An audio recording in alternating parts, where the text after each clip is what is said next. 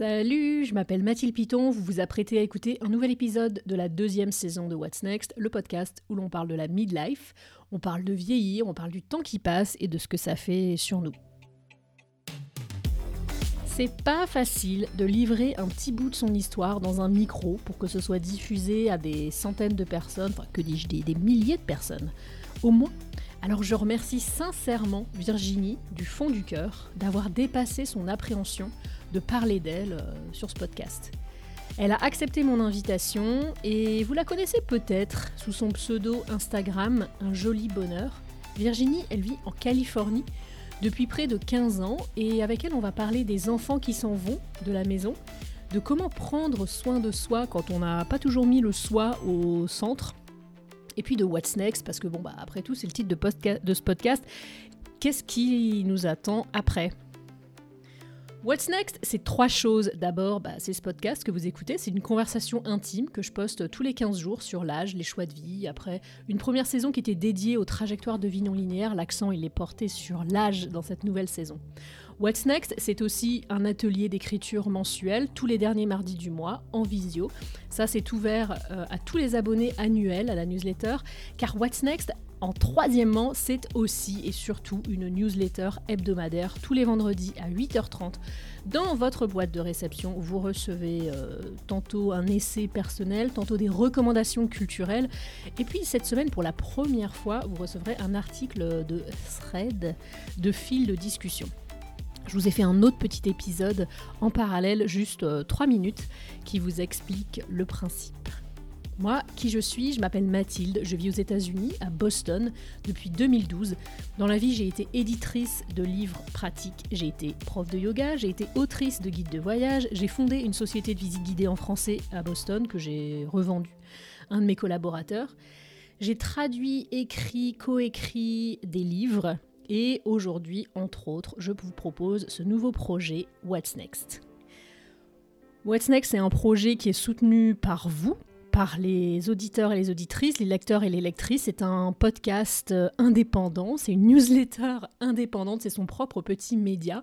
Et pour qu'il continue de fonctionner, eh il faut que vous vous abonnez dans une formule payante, une formule mensuelle ou une formule annuelle. Pour ça, eh bien, allez dans les notes du podcast, vous trouverez un lien. Euh, aujourd'hui, je suis sur whatsnextmathilde.substack.com. Vous choisissez une des formules et c'est parti. Si vous n'avez pas envie de vous abonner tout de suite, mais que vous aimez le podcast, eh ben, j'ai une petite, euh, petite demande à vous faire. Si vous pouvez noter ce podcast sur votre app d'écoute, notamment sur Spotify et Apple, Apple Podcast, faites-le vraiment. Ça m'aide à faire connaître ce podcast. Voilà. Cette semaine, donc, je reçois Virginie. Restez, car après notre conversation, je reprends la rubrique intitulée Dans mes DM Instagram, dans laquelle vous avez répondu à une de mes questions. Donc, restez jusqu'au bout de l'épisode. C'est parti, place à ma conversation avec Virginie. Salut Virginie, comment tu vas? Bonjour Mathilde, ça va bien? Je vais te poser la toute première question, on va rentrer dans le vif du sujet, c'est quel âge as-tu? Alors, j'ai 48 ans. Est-ce que tu te sens en accord avec cet âge ou dans ta tête, tu as un âge différent? Alors, euh, est-ce que je suis en accord avec cet âge? Hmm, bah, J'ai 48 ans. Je pense que physiquement, je fais 48 ans, mais clairement, dans ma tête, je non, je n'ai pas, pas l'impression d'avoir 48 ans. J'ai pas, j'ai l'impression d'être plus jeune. Alors peut-être que tout le monde, euh, tout le monde doit se dire ça à un moment donné, mais moi j'ai non, j'ai l'impression d'être plus jeune dans ma tête et et voilà. Donc après c'est peut-être parce que j'ai des enfants aussi que qui fait que je ne sais pas si c'est une réalité ou si c'est vraiment que je suis plus jeune dans ma tête. Quoi. Je ne sais pas. Est-ce que euh, tu as eu un âge préféré? Donc là, tu t'imagines dans ta tête que tu es dans la trentaine, mais est-ce que dans, tes 48 années, quelle a été ton année préférée? Est-ce que tu en as une? Et ça peut être 48. Alors moi, j'ai pas, non, j'ai pas d'année préférée en fait. J'ai, en fait, moi, je suis quelqu'un qui regarde pas trop en arrière, qui regarde pas trop le passé. Euh, je suis pas nostalgique en fait des, années ou des décennies précédentes. Je, donc non, là, j'ai pas une année préférée. j'ai pas, j'ai aimé toutes ces 48 années. Alors il y a eu des, années qui étaient meilleures que d'autres, avec des événements plus ou moins heureux, mais non, il n'y a pas une année que je, il a, pas une année que je voudrais revivre en fait. Tu as parlé de, dans ton corps, tu te sentais bien et ça me fait penser que sur ton compte Instagram, donc un joli bonheur, tu partages régulièrement des photos de tes workouts, de tes entraînements à la salle de sport. Est-ce que ça a toujours été comme ça? Est-ce que tu as toujours aimé le sport ou est-ce que c'est quelque chose que tu fais depuis quelques années? Enfin, parle-moi de ta relation au, sport. Non, j'ai clairement jamais été tout le temps comme ça. J'ai jamais été sportive. Euh, ça m'est venu, euh, j'ai commencé ça peut-être deux ans avant le, avant le Covid, à aller un peu à la salle comme ça avec une copine. Et puis, euh, puis je faisais du yoga aussi en parallèle, du pilates. Et puis, euh, et puis, petit à petit, pendant le Covid, en fait, j'ai continué via Zoom. J'avais euh, une coach par Zoom trois fois par semaine. Et c'est vrai que ça m'a, c'est quelque chose qui pendant le Covid, ça, ça m'aidait à, m'évader. En fait, je me mettais dans le jardin et je faisais ça trois fois par semaine. Et une fois que la salle de sport a rouvert, il y a maintenant deux ans, je me suis mis à faire plus de, ouais, de cours un petit peu plus euh, intenses et à y aller, euh, et à y aller bah, quasiment tous les jours. Là, j'y vais six jours sur sept. Et, et puis euh, après, ça s'est trouvé comme ça. Ça s'est trouvé que moi, j'ai eu des clics, euh, oui, vers 45 euh, ans d'aller faire du sport. et des fois, je me dis que j'aurais dû l'avoir avant, mais comme quoi, il n'y a, pas d'âge pour commencer.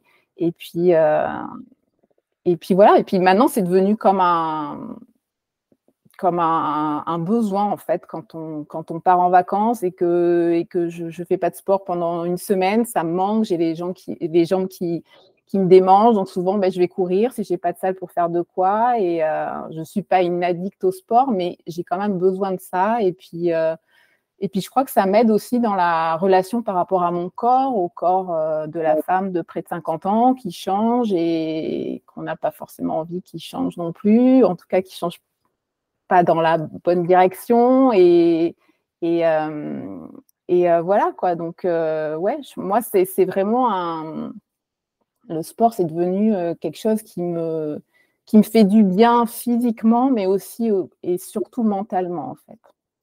J'ai vu une photo sur Instagram où tu étais allé faire du sport, je sais pas si c'était le matin ou le soir, mais dans, ton, dans la, la, salle de sport de l'hôtel. Et je me suis dit, mmh. c'est quand même être dédié parce que moi, j'adore aussi aller, je suis assez addict au sport depuis longtemps, mais euh, je ne suis, je pense, jamais allée dans une salle de sport d'hôtel. C'est trop, je trouve ça trop déprimant et je me dis, ouais, c'est les vacances, euh, ça va. Quoi. Ouais, alors ça, c'est moi quand je, quand, quand, quand je fais ça, euh, moi-même, je me reconnais pas en fait. Hein. Souvent, en fait, je me dis, bah, le syndrome de l'imposteur, non seulement je l'ai pour tout ce qui est artistique, mais je crois que je l'ai aussi pour le sport en fait.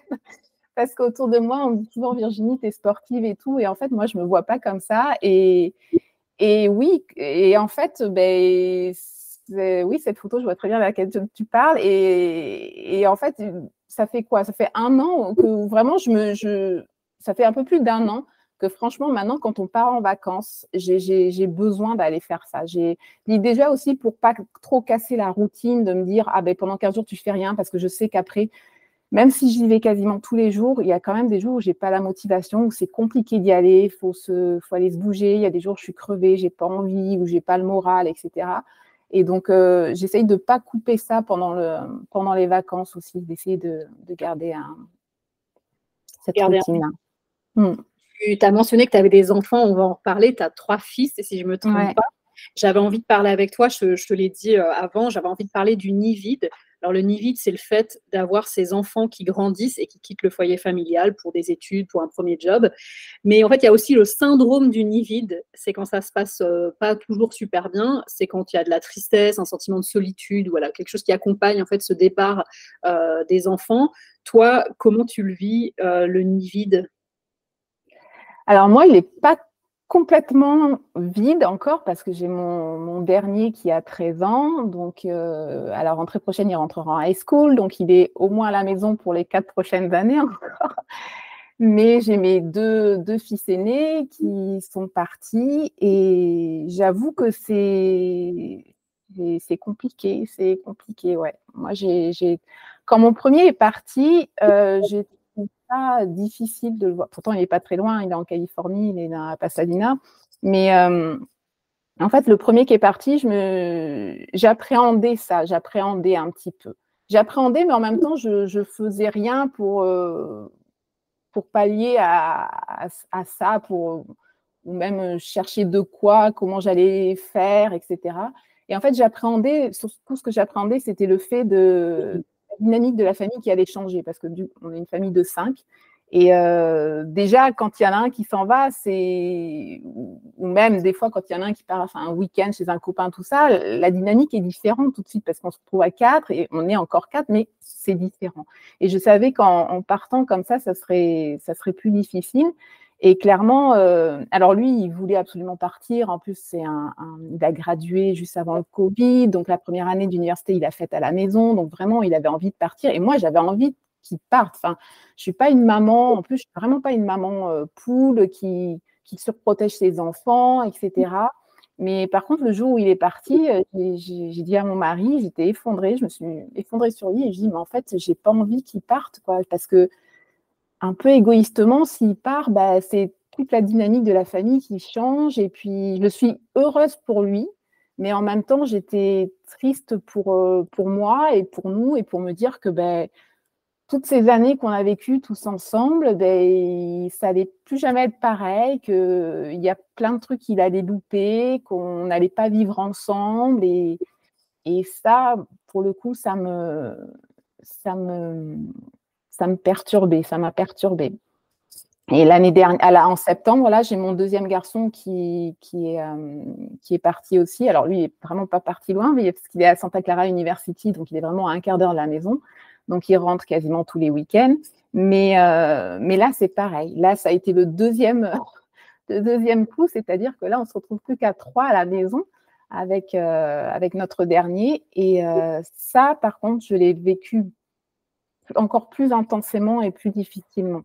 De me dire, euh, waouh, l'année prochaine, on va être que trois et euh, j'aurai comme un enfant unique et moi, je sais pas, en fait, je sais pas, je sais pas, je, sais pas, j'avais l'impression que gérer un enfant seul, ça allait être plus compliqué que gérer trois enfants, mais en fait, je pensais plus à la dynamique de la famille et puis. Euh, et puis se dire aussi, en fait, euh, quelque part, c'est se dire que ben, mon boulot de maman, il tire à sa fin. Et ça, euh, ça clairement, j'ai beaucoup de mal avec ça. Quoi.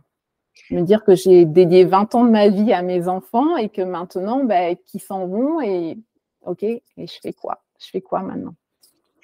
Et, mais j'entends bien les sentiments ambivalents, à la fois le, se dire, euh, OK, mon rôle de mère, de mon rôle de parent, c'est de, faire des enfants indépendants, je suppose, et en même temps, bien sûr, la, les, voilà, l'ambivalence de les voir mmh. partir, se dit, c'est le, c'est le changement. Quoi.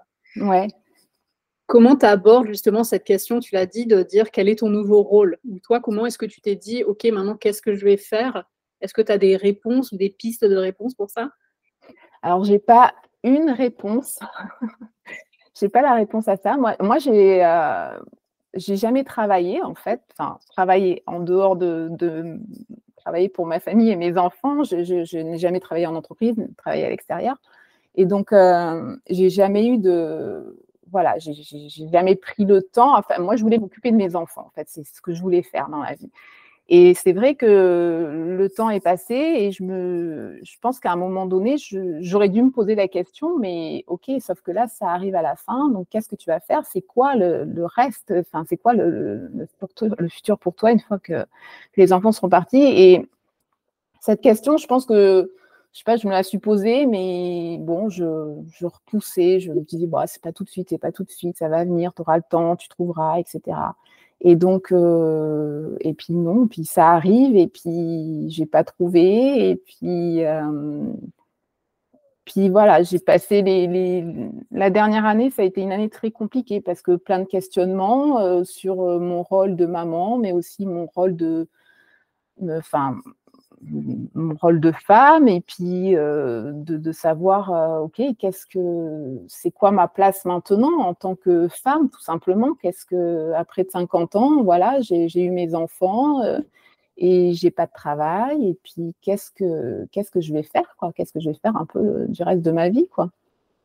Ça, c'est une question que j'ai et j'essaye, j'essaye sans trop essayer d'y répondre actuellement parce que ça a été tellement compliqué ces derniers mois que là, je suis plus dans une phase où je prends le temps pour moi, j'essaye de m'occuper de moi, chose que j'ai pas fait pendant très très longtemps. Et, euh, et en fait, c'est plus compliqué que ce qu'on pense parce que quand on a passé euh, des années à s'occuper des autres, bah, je trouve ça très difficile de s'occuper de soi après. Et est-ce que, enfin, le sport, a commencé plus tôt que ça, mais est-ce que je peux te poser la question ou c'est peut-être trop sensible, mais comment justement, comment tu t'occupes de toi? Alors, euh, bah, déjà, oui, l'activité physique, le sport, même si j'avais commencé avant, enfin, c'est vraiment quelque chose qui m'aide beaucoup euh, encore euh, aujourd'hui. Je m'occupe de moi, je sais pas, déjà en, prenant plus soin de moi aussi.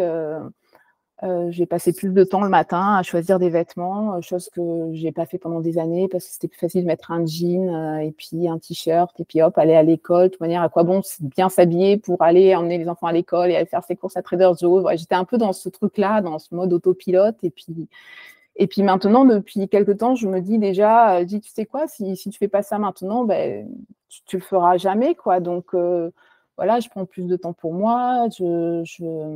j'ai retrouvé aussi depuis quelques mois une créativité que j'avais complètement perdue depuis euh, quasiment deux ans. Là, après le Covid, ça a été une page blanche, mais euh, pour tout, tout, tout, ce qui est euh, ouais, créativité, même moi qui aimais les DIY, faire de la peinture, dessiner, faire de la photo, tout ça pendant presque deux ans, il n'y avait plus rien. Je me disais que ça allait revenir, mais j'ai eu un passage où vraiment, j'avais plus rien. Donc, en fait, quand là, à la rentrée, je me suis dit, OK, tu peux pas rester comme ça.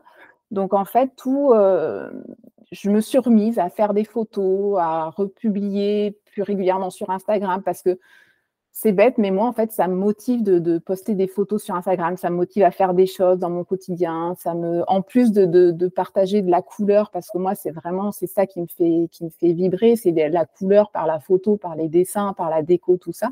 Ça me, ça me motive aussi de, poster régulièrement comme ça, à faire des choses. Donc, euh, je me suis remis à faire de la peinture, à, colorier, et, euh, et ça, franchement, ça, ça, ça m'aide beaucoup aussi, ouais. C'était une question que j'avais parce que je, tu as, un compte Instagram qui s'appelle Un joli bonheur. Tu partages mmh régulièrement des photos qui sont justement colorées. Et ma question, et avant que tu, avant que tu racontes tout ça, c'était explique-moi d'où vient toute cette positive attitude parce que c'est pas vraiment généralement mon attitude. Mais en fait, là, tu as presque répondu à cette question. En fait, parce que je trouvais que justement, tu as un partage qui est assez régulier, qui est hyper positif, euh, hyper coloré. Là, on est en train de discuter euh, par écran interposé. Derrière toi, il y a ces, tous ces dessins, toutes ces peintures. Et c'est vrai que moi, je te vois d'extérieur, mais c'est toujours le regard extérieur de me dire, ah ben, Virginie, c'est voilà, c'est quelqu'un de positif. Et du coup, toi, c'est en fait, ça se nourrit le poster sur Instagram se nourrit de ça. Quoi. Ouais, alors c'est effectivement, c'est souvent ce qu'on dit, c'est euh, l'image qu'on a de moi, c'est quelqu'un de, oui, de coloré, ou souvent dans mon entourage, quand on voit une image ou un objet, on dit ah c'est très joli bonheur ça, et je, sais ce que ça veut dire. Ça veut dire que oui, c'est coloré, c'est ça fait c'est mon univers, tout ça.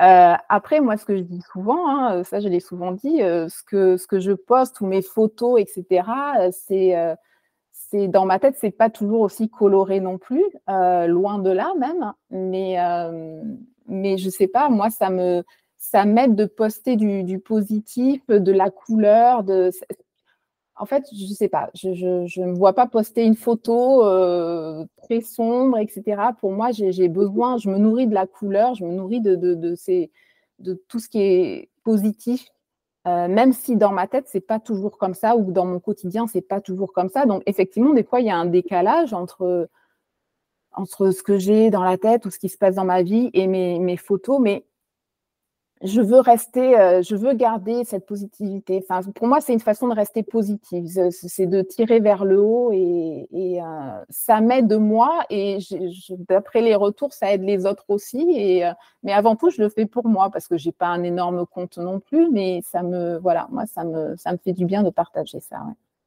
tu t'es fait contaminer par la culture américaine assez positive, parce que tu as dit des mots high school, tout ça. Donc, en fait, tu vis en Californie. Est-ce que c'est cet esprit américain assez euh, positif aussi?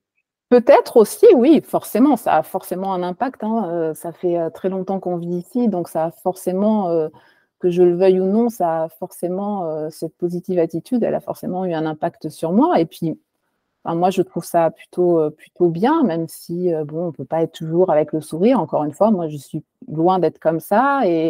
Mais euh, le positif attire le positif. Donc euh, oui, enfin, sans doute que la culture américaine, elle a, clairement une forte influence sur moi. Est-ce que tu peux nous faire rêver, me faire rêver en tout cas, est-ce que tu pourrais me dire les trois meilleures raisons qui te font aimer la vie en Californie? On va rester positif. Alors, euh, ben, je dirais la météo, même si actuellement, c'est pas trop le cas le fait, euh, ouais, la météo, le fait que les gens sont, super ouverts, en tout cas nous dans la Area, donc les gens sont, très ouverts d'esprit et ça c'est c'est vraiment euh, c'est super quoi. Moi je suis super contente que mes enfants euh, vivent dans cet environnement là. Euh, et la troisième chose, euh, ben, c'est la nature. Quoi. On est proche de, la nature. Euh, même ici, dans la Silicon Valley, il y a plein de, grands parcs, de state parks. on est gâté au niveau nature en Californie. C'est vrai que souvent, on dit que ça serait difficile d'aller vivre ailleurs parce qu'on est vraiment gâté, par tout ce qui est parcs nationaux et parcs nature. Est-ce que euh, tu penses que c'est votre dernier arrêt, la Californie, parce que vous êtes un peu, je crois que je ne me trompe pas si je dis que vous êtes des céréales expats, vous avez fait plusieurs arrêts. Euh, est-ce que tu penses que, on va revenir sur ton parcours, mais est-ce que euh, tu penses que c'est la, c'est la dernière arrêt, la Californie? Ouais, j'aurais envie de dire que oui, en tout cas le dernier arrêt avec les enfants. parce que je pense qu'une fois que mon, notre dernier aura gradué, de high school, je pense qu'on on, partira. Alors peut-être pas de Californie, peut-être pas de Californie, mais sans doute de, de la baie. Euh, après, je ne sais pas, on verra. On n'a pas. En, tant que famille, oui, ça a été notre, c'est, notre dernier arrêt. Après, en tant que, que couple et de empty nester, ça, je ne sais pas. Comment ça a commencé cette, cette aventure d'expat? Vous avez commencé où?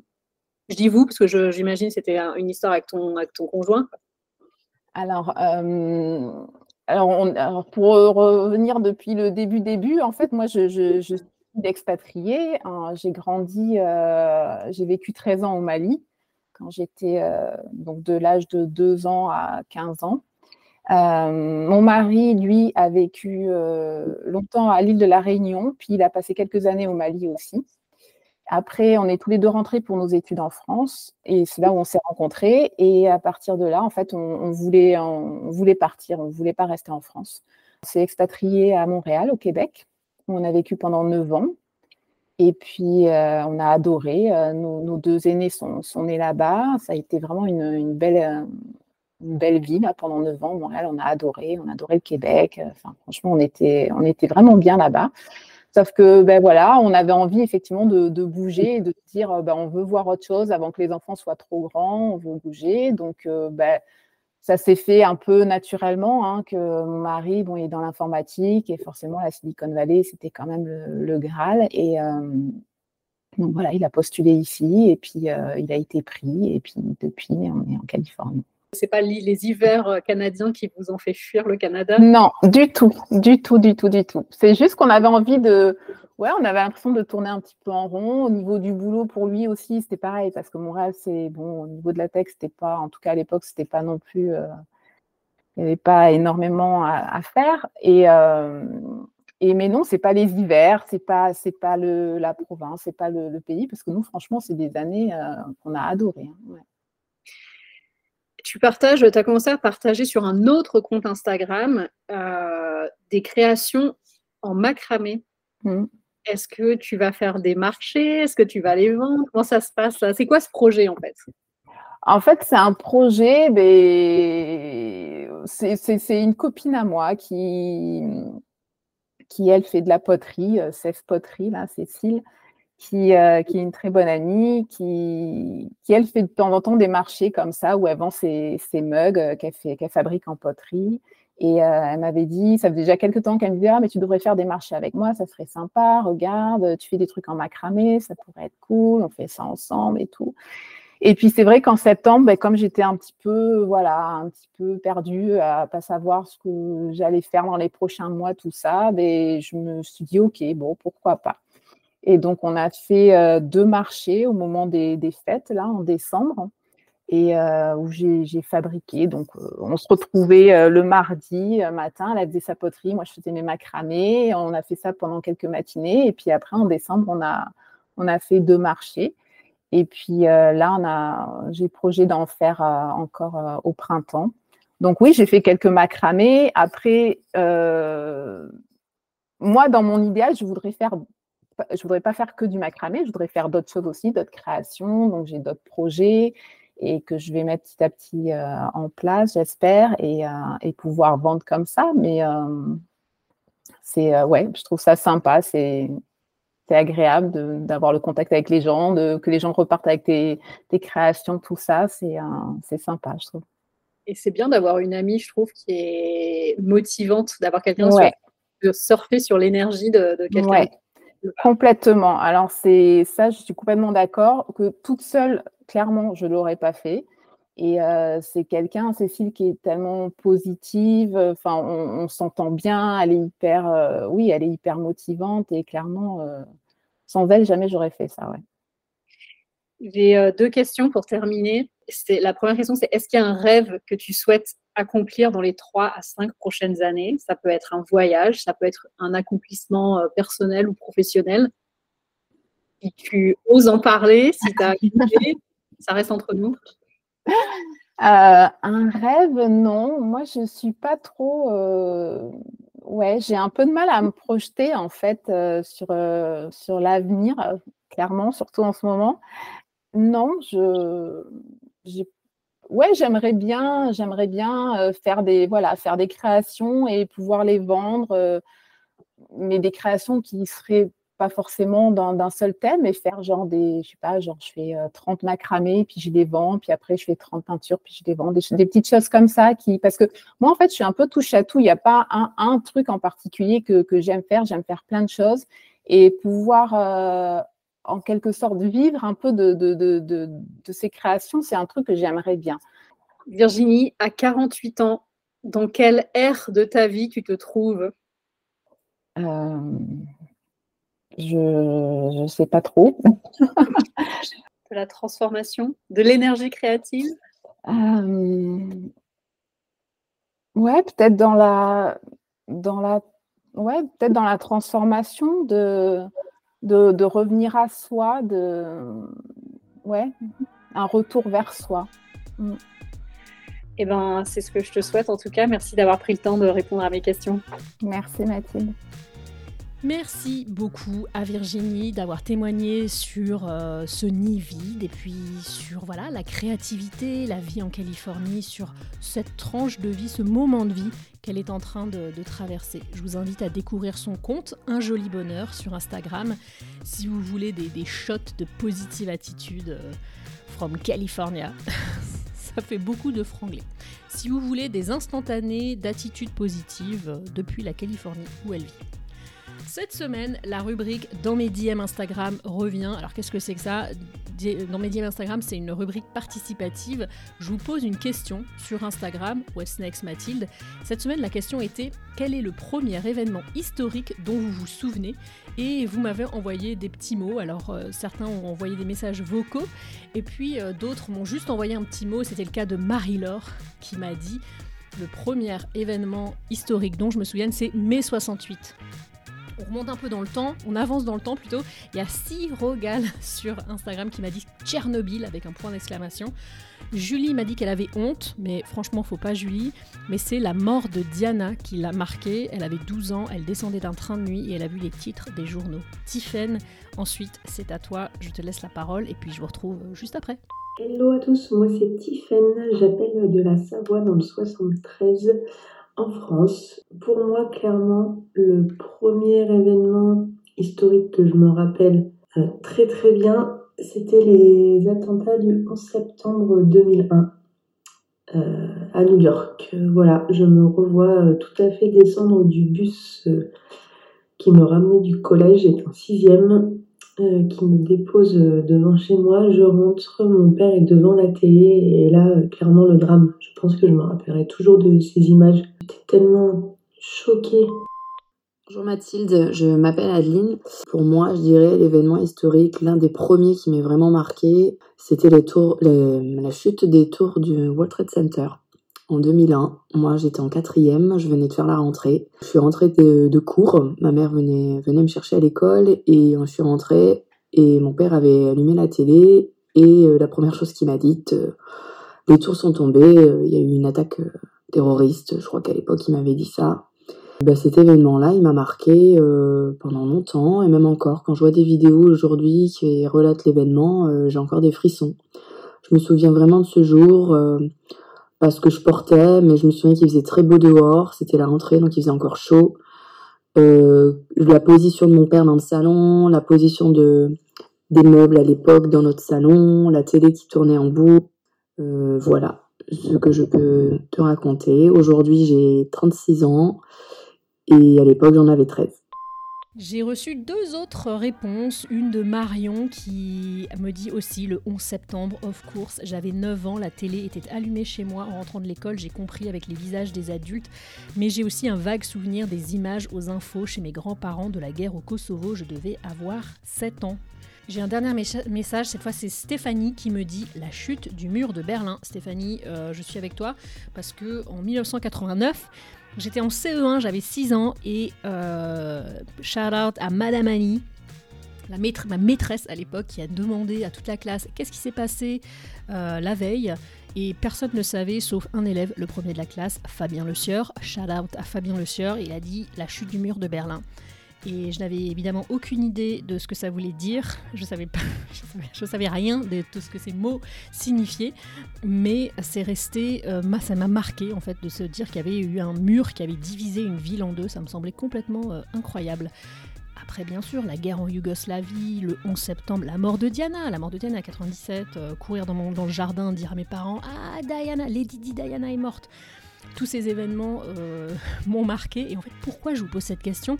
Je trouve qu'en fait, ils marquent complètement euh, une génération et puis un, moment dans, notre vie.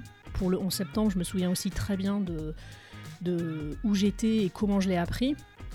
Et en fait, quand je me dis que le 11 septembre, c'est 20 ans avant la naissance de ma fille, et c'est un peu, euh, pour elle, ce sera comme pour moi, l'assassinat de JFK en 1963. Ce sera quelque chose de très ancien et qui sera un événement historique, probablement sans un impact émotionnel euh, très fort sur elle.